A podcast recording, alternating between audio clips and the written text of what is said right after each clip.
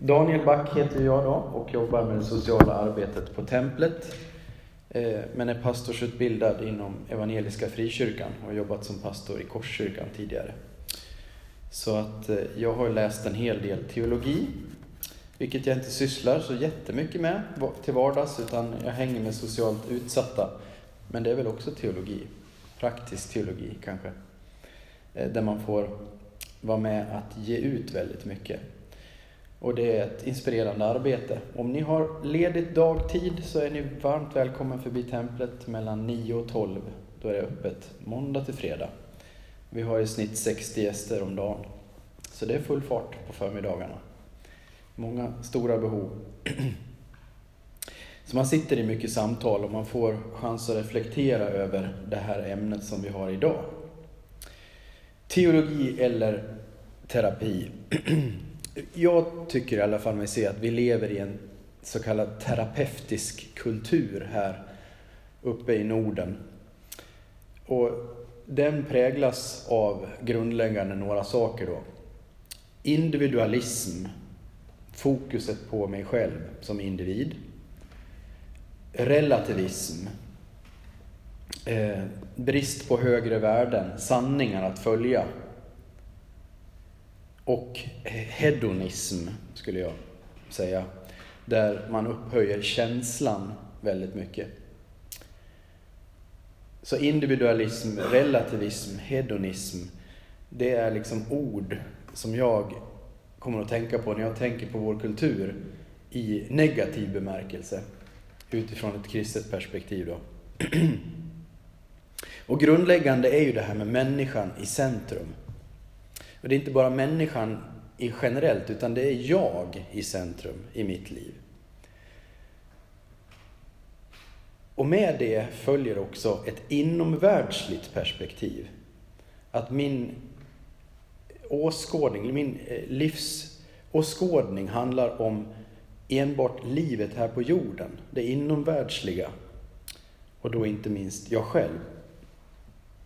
Och eftersom det inte finns några högre kollektiva mål eller högre mening så blir mina egna känslor väldigt viktiga.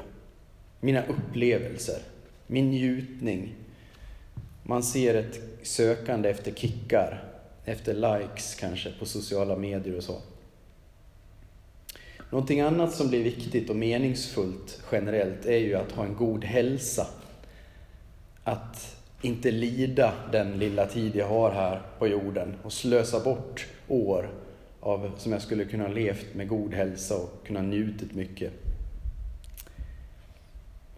Och många utav oss då går i terapi. Om vi inte gör det i en klassisk terapiform där jag samtalar med en terapeut så gör vi det lite till mans ändå genom olika tidskrifter vi läser, böcker, undervisning vi hör och så vidare, som handlar om hur vi ska få hjälp med våra hälsoproblem, kroppsliga, psykiska, psykosociala problem.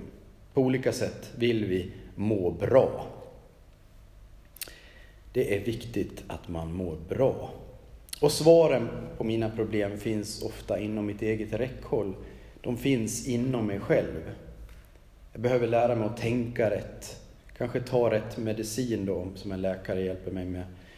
Förstå rätt samband omkring mig själv, min barndom. Få fram rätt känslor som kanske ligger härbärgerade någonstans och behöver tas fram i ljuset så att jag får en mer helhetsupplevelse och mer bättre inställning till mig själv så att säga. Att min psykiska helhet blir total. Och det här präglar väldigt mycket av vårt tänkande omkring hur våra liv ska se ut, tror jag, här i Sverige. Det är lite som en grund för att nu gå in i bibelordet. Jag tänkte stanna vid en enda bok och ett kapitel idag, i stort sett. Och det är från Saltaren. Psalm 73. Och vi ska gå igenom den lite tillsammans. Där det var, jag hade, var på en samtalskurs här med eh, Baronovskis i Jönköping häromveckan. Och då hade vi en liten bönestund på kvällen och då fick jag det här bibelordet till mig faktiskt. Att ja, men du ska tala utifrån det här på den här samlingen eh, på ett tydligt sätt. Så att jag har gått igenom det här och jag tror att, att eh, Gud vill säga någonting genom den här boken om det här temat. Även om den inte handlar om precis just det, men, men eh, vi återkommer till det. Asaf då, som har skrivit den här salmen, det var son till en ledare av Davids kör. Så att han var väl, eh, ja, han visste vad det handlade om det här med att sjunga och att ge Gud ära. Han levde säkert väldigt nära Gud själv. Han har skrivit 11 salmer, psalm 50, 73 till 83. Och det här är då den första av den här sträckan salmer som han har skrivit. Och jag tänkte de första verserna här tänkte jag sätta rubrik på som att han talar om hur han eh, brottas med den rådande kulturen på den tiden.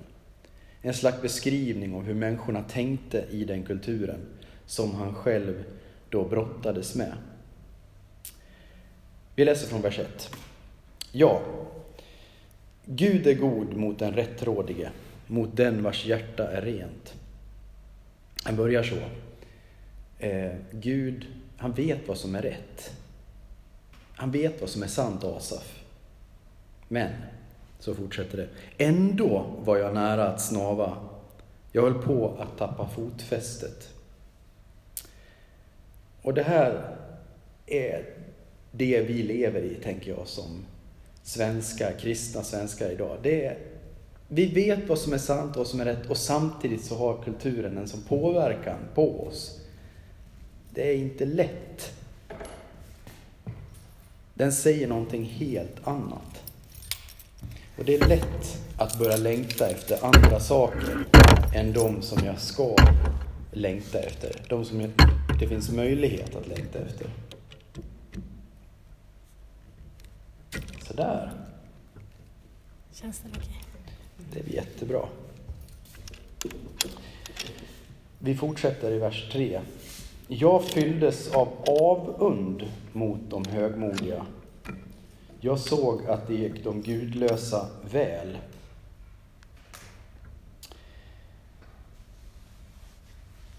Individuell framgång verkar vara viktigt det går väl för de där gudlösa. Och Asaf börjar jämföra sig och börjar längta själv efter att ha framgång, precis som han ser att de har. Vilket han själv inte verkar ha. Det är ju ganska vanligt att man kan känna så. Någon annan har det bättre, fastän de inte lever efter Guds vilja. 4. De vet inte av några hinder. Deras hull är fett och frodigt. De äter, de äter gott. Det verkar som att deras begär tillfredsställs. Hedonism. Det verkar vara något eftersträvansvärt, även hos Asaf när han ser på de här. De råkar inte i nöd som andra. De lider inte som människor gör. Lidande verkar inte vara något att ha, utan han skriver e, e, ett tillstånd av hälsa, bekvämlighet hos de här människorna som han tycker är eftersträvansvärt.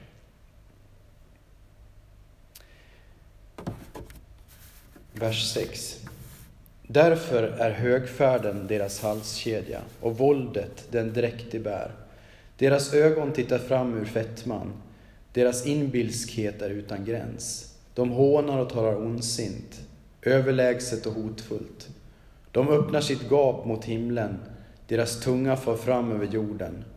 Därför kommer folket till dem och suger i sig deras ord. Det verkar inte betyda så mycket att de är som de är här. De är egoistiska, men folket vill ändå lyssna på dem. För de har det här budskapet som är attraktivt, som kliar i öronen. De talar om hur man ska få njutning, hälsa och lycka. Det verkar inte spela så stor roll att de har de här egoistiska motiven. Och det här ringar i alla fall i mina öron då från Nya Testamentet, från Timoteusbrevet 4. Det behöver vi inte slå upp, utan jag läser det bara. Andra Timoteusbrevet 4, där det står så här.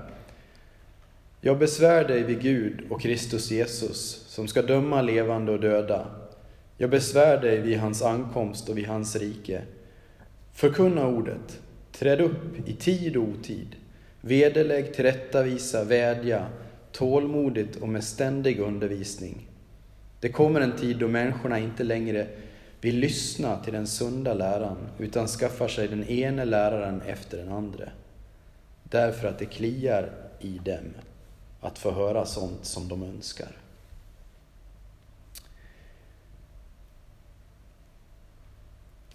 Så ska det bli i den sista tiden. Och så verkar det ha varit även på den här tiden. Och så tycker jag att det lätt kan bli i en terapeutisk kultur där vi längtar efter de här sakerna. Vi fortsätter. De säger Gud, vad vet han? Inte vet den högste vad vi gör.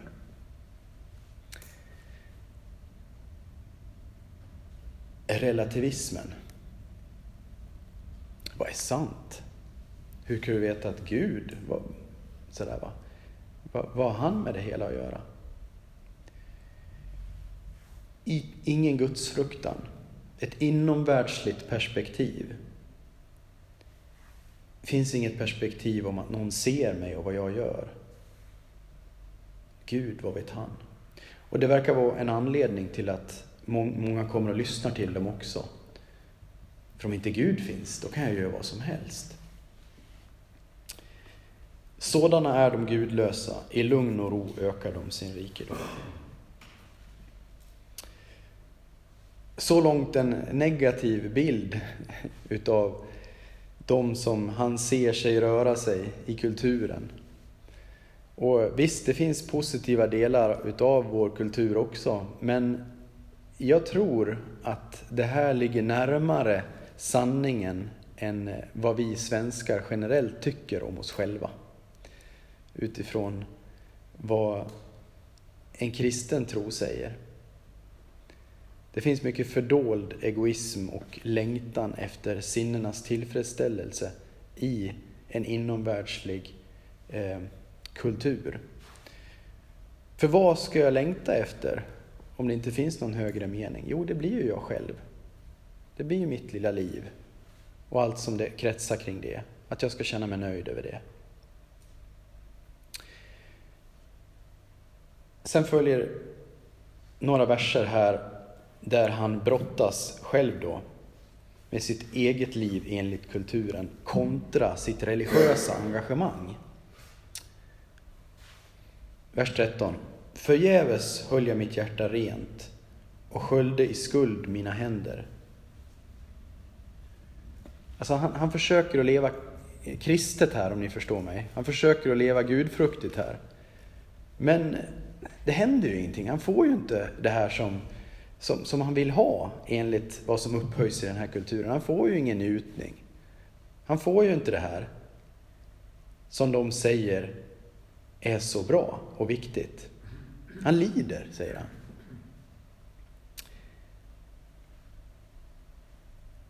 Han vill att religionen ska ge honom det som de gudlösa vill ha. Han vill använda religionen för att ge svar på de hedniska frågorna. Men tekniken verkar inte fungera så bra. Har vi det i våra kyrkor idag? Är min fråga som vi kan tugga lite på. Finns det svar som vi ger på frågor omkring saker som kanske egentligen inte enligt Bibeln är så eftersträvansvärda som vi vill göra dem till? Försöker vi låta evangeliet bli ett svar på de frågorna? Eller ställer vi andra frågor? det tycker jag är värt att reflektera lite över. Det finns ju någonting som kallas framgångsteologi som har haft eh, en del framgång i våra delar av, av världen. I Afrika har man stora problem med det. Det är just den här typen utav religion som eh, försöker att genom en, en förkunnelse som uppmanar till att ha det så bra som möjligt, att njuta av livet. Att, att Gud vill att du ska ha allt det här. Så kommer man till tro och lever sitt liv med den övertygelsen. Man säger att om, om du blir kristen då kommer det här och det här lösa sig och så vidare. Eh, och man, man, man uppvärderar det som den här världen också värderar. Och evangelium blir liksom en annan väg att, att uppnå de här målen. Och den kan vara väldigt utstuderad och tydlig men den, eh, den kan också vara lite skymd och påverka oss indirekt. Och det tror jag vi har lite även hos oss i våra sammanhang.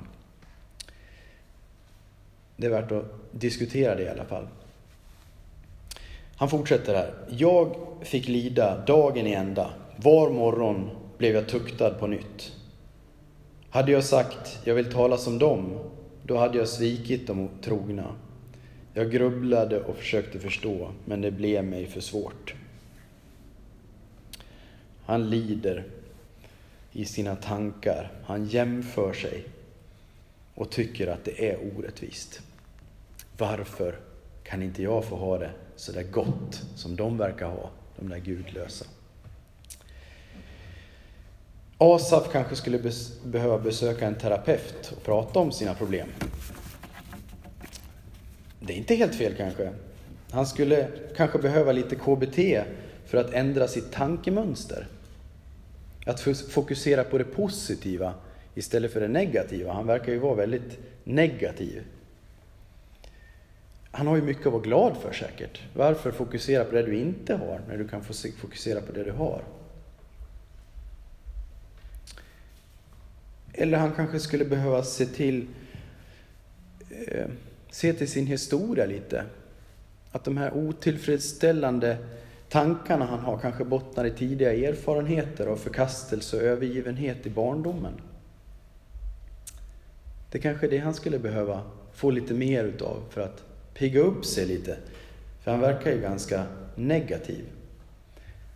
Eller kanske behöver han eh, sluta tänka så mycket. Börja känna lite mer istället. Stanna i nuet.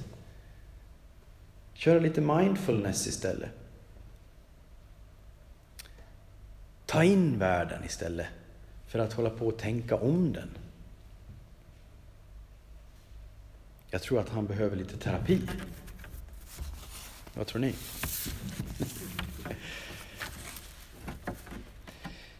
Ja, alltså det skulle säkert hjälpa honom. Jag säger inte att någon av de här tre exemplen som är väldigt vanliga att vi försöker hjälpa människor med i vår kultur är fel. Det säger jag inte. Och det kan finnas mycket eh, gott och nyttigt man kan hämta upp i, i både det ena och det andra. Men grundläggande tror jag vi missar poängen med att vara människa här på jorden i enbart de här terapiformerna. Och det ska vi komma till nu i den senare delen utav det här kapitlet. För där får vi liksom lösningen på det hela. Vers 17. Men så kom jag till Guds helgedom. Jag insåg hur det går med dem. Och det här är faktiskt det som vi som kyrka, som kår, som kristen församling kan erbjuda som inte den här kulturen kommer i närheten av. Nämligen ett möte med Gud och hur det påverkar en människa. Håll med om att det var lite negativt nyss. Men här kommer han i kontakt med helgedomen, alltså han kommer i kontakt med församlingen, med bibelläsningen, med bönen, med det som är att vara församling, att vara en del utav någonting. Och han får ett möte med Gud i den miljön. Och vad händer? Jo, du för dem ut på hala vägar, du störtar dem i fördärvet. Han får helt, ett helt annat perspektiv helt plötsligt. För vad de han längtade efter att få bli, de där gudlösa, så ser han helt plötsligt, nej men det där är ju inte eftersträvansvärt längre. Han ser att det där är ju ändligt. Det där är ju förgängligt, det de söker. Det där är ju bara inomvärldsligt.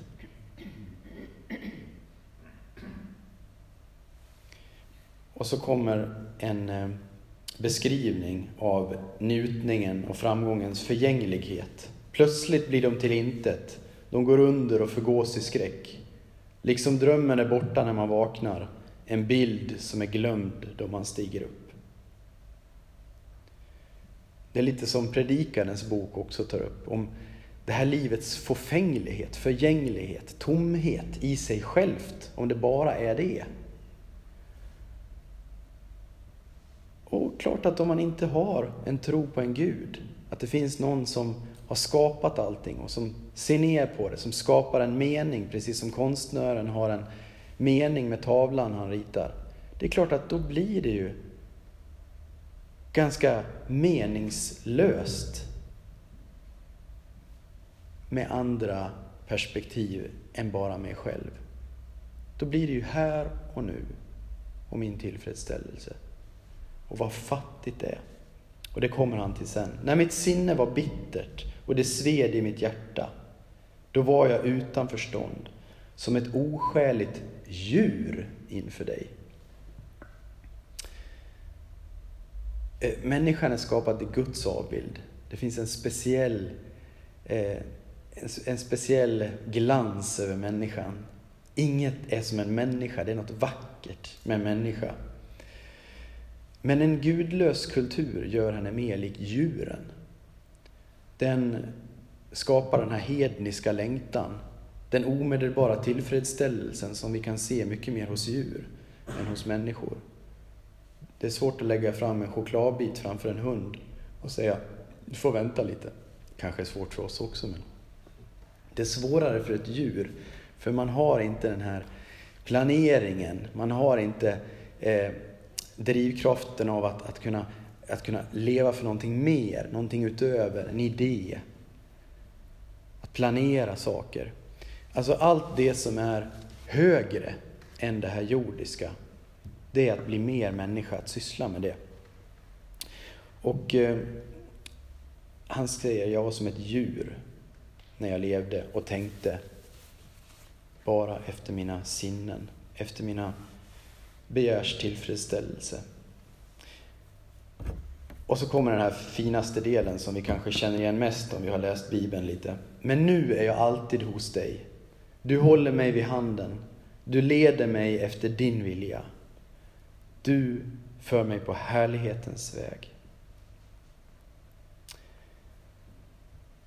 Märker ni ett skifte här från jag? Jag eh, tyckte att de där fick mycket mer än mig. Jag tyckte att de hade, det var så orättvist. Jag, jag, jag. Men här, du håller mig vid handen. Du leder mig. Du för mig på härlighetens väg. Någonting har hänt. Från ett skifte från jag till du. Den andre.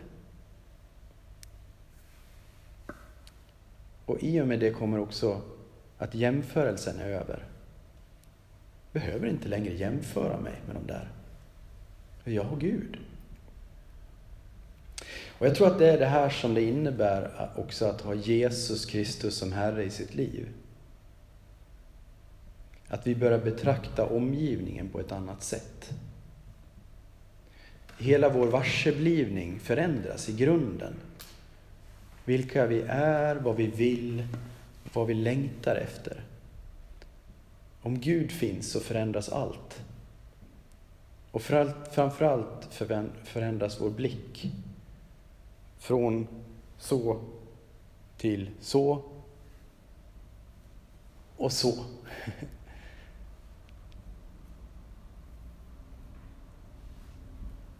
Det är ett under. Äger jag dig i himlen önskar jag ingenting på jorden. Vad hände med den individuella framgången som man längtar efter här på jorden? Jag längtar inte längre efter någonting på jorden, för jag har dig i himlen. Min kropp och mitt mod må svika, men jag har Gud, han är min klippa för evigt. Min kropp må svika. Det känner man väl, inte minst om man har blivit lite äldre, att kroppen sviker.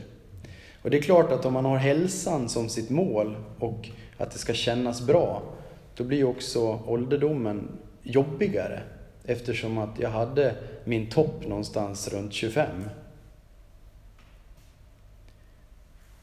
Men hälsan är inte livets viktigaste sak.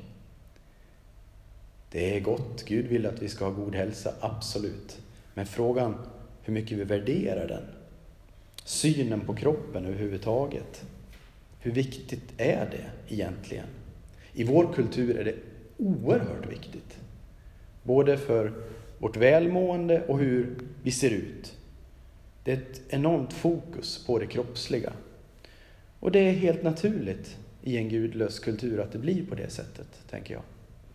För det har så mycket med vår kropps tillfredsställelse att göra. Men med Gud i centrum får vi ett helt annat perspektiv på livet. De som är fjärran från dig går under, vers 27. Du förintar alla som är otrogna mot dig, men jag har min lycka i att nalkas Gud. Jag har min tillflykt till Herren, min Gud, och ska vittna om allt du gjort. Och där slutar kapitlet. Här kom målet in. Meningen.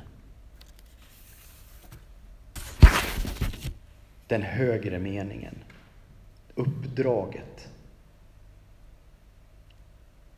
Jag ska vittna om allt du har gjort. Alltså, att, att tillhöra Gud är inte bara jag och Gud, utan det är också ett uppdrag som Gud ger, vilket skapar mening, vilket är själva drivkraften till vad jag eh, relaterar som bra och inte i mitt liv. Det viktigaste, när jag gör mål så att säga i mitt liv, det är ju när, när, när Guds vilja får ske i mitt liv. Det är då jag mår som bäst. Jag tycker jag möter det ganska mycket i det sammanhang som jag verkar i också. Att när människor mår som bäst, det är när man får betyda som mest för någon annan. Inte när man får sina inre problem så uträtade som möjligt. Alltid. Utan svaret ligger ju ofta i att man har ett uppdrag. Och uppdraget är inte självförverkligande, självuppfyllelse. Utan det handlar om någon annan. Det handlar inte om ett uppdrag som jag sen ska äras för. Utan det handlar om att jag får göra ett uppdrag som någon annan ska äras för. För jag gör det för honom. För att det är meningsfullt i ett mycket, mycket längre perspektiv än att jag ska få en krans kring min hals. Eh, den vissnar ju som bekant. Utan det är ett uppdrag som gör att frukten också inte tar slut, för Gud är evig. Eh, det är oerhört meningsfullt.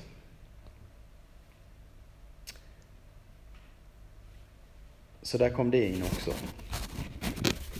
Det nya målet med livet. Nu ska jag summera lite kort, sen är vi färdiga. Men så här. Terapi, det är människan i centrum. Vi riskerar att låta evangeliet bli svaret på fel fråga. Om vi tillmötesgår frågorna i den första delen av det här kapitlet som vi har läst nu, då är det faktiskt som man frågar får man svar. Som man brukar säga. Och evangelium kan lätt bli framgångsteologi med människan i centrum, där Gud blir svaret på våra behov. Där jag blir tillfredsställd när jag vandrar med Gud. Ge pengar så får du själv tillbaka. Nej, ge pengar för att de tillhör Gud. Du kan få tillbaka också, det är nåd. Men du ger inte för att få tillbaka, till exempel.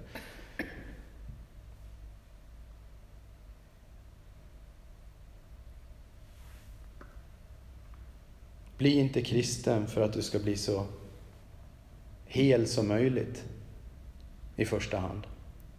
Sen kan Gud hela. Men det är inte därför du är kristen. Och det är inte det viktigaste heller, alltid, att bli det.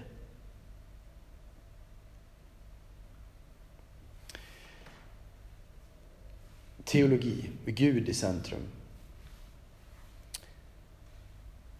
Jag har fyra olika delar där.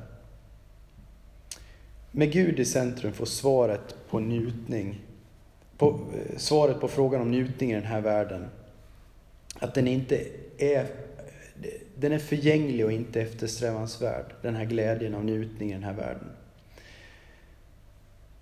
Och frågan vi behöver ställa oss, är det bra alltid att må fysiskt bra? Alltså, jag tror att vi tappar bort en del utav meningen också i lidandet om vi har det här njutningsfokuserade perspektivet. Där vi alltid ska försöka lösa en människas problem. När problemen i sig kanske kan användas av Gud till att forma den här människan. Det har jag varit med om själv i mitt lidande som jag har gått igenom. Gått igenom en väldigt tydlig del i mitt liv som har varit lidande, där människor har dött och där jag har gått igenom utmattningsdepression. Alltså jag kan se att Gud inte i någon period av livet har format mig så mycket på ett positivt sätt i det mesta. Till att leva ett liv mer efter det som är sant och rätt och riktigt och rent. Det finns många mystiker, inte minst, eh, mystiker alltså, som levt nära Gud, som vittnar om just det. Att lidandet har varit en naturlig del utav formandet till Kristuslikhet. För målet är ju inte att må så bra som möjligt, utan målet enligt Bibeln och enligt Jesus själv då, det är att bli lika honom.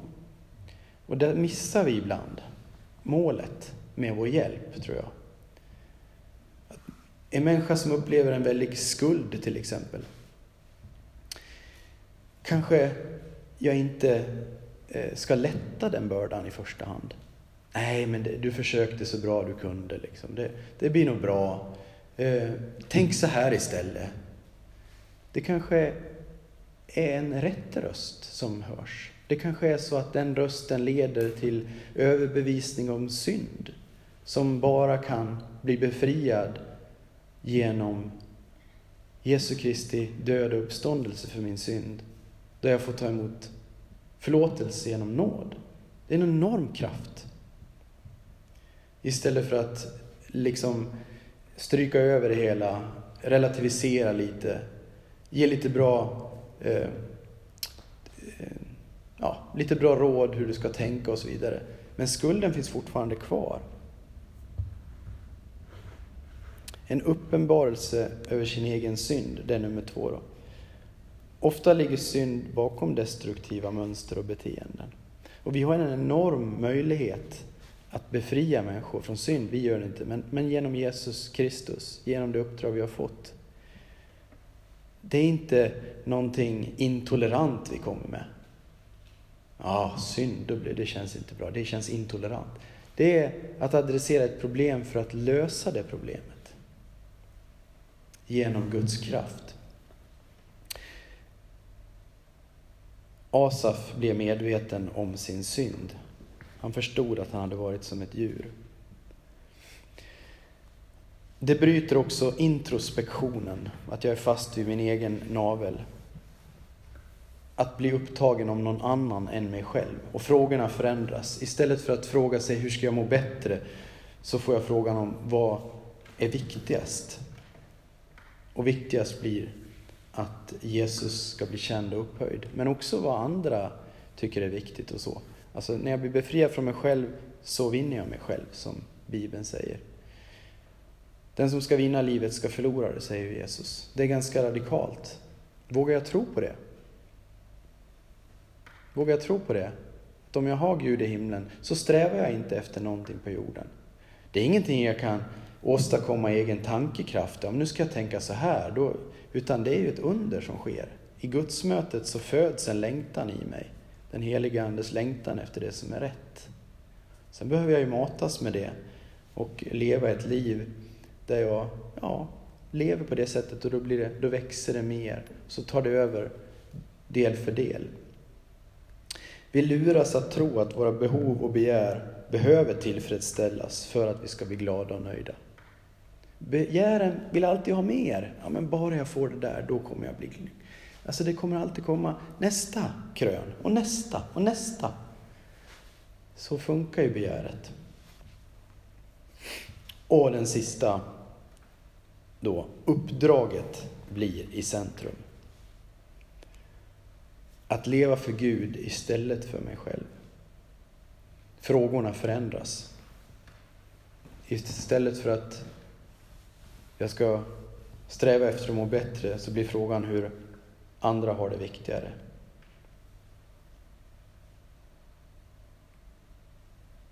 Vi är skapade för att leva för ett mål. Annars blir livet meningslöst och vi börjar likna djuren mer. Och jag är hellre en lidande människa än ett välmående djur. Jag vet inte om du är det, men jag är det i alla fall. Det är liksom, vill jag leva i verkligheten eller vill jag låta den här kulturens tankar liksom eh, vi har det ju ganska bra här. Alltså, vi, vi, vi lever ju rätt så gott.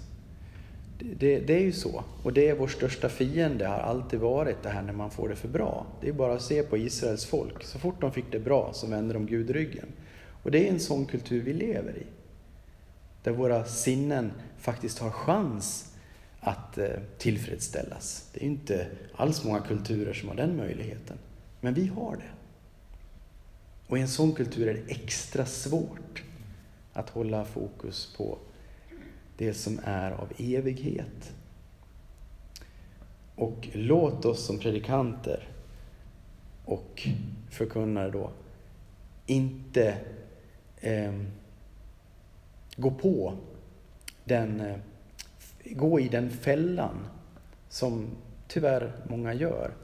Att, att, att liksom locka människor med de här frågorna som kulturen har och säga att vi har svaren på de här. Utan till gudsmötet. Det är där det sker.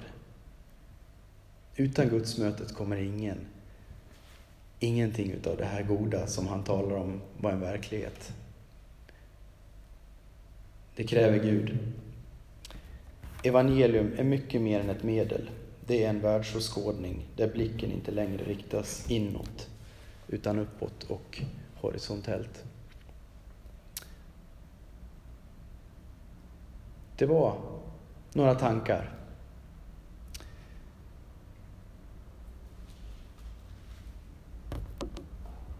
Ja, hyfsad tid.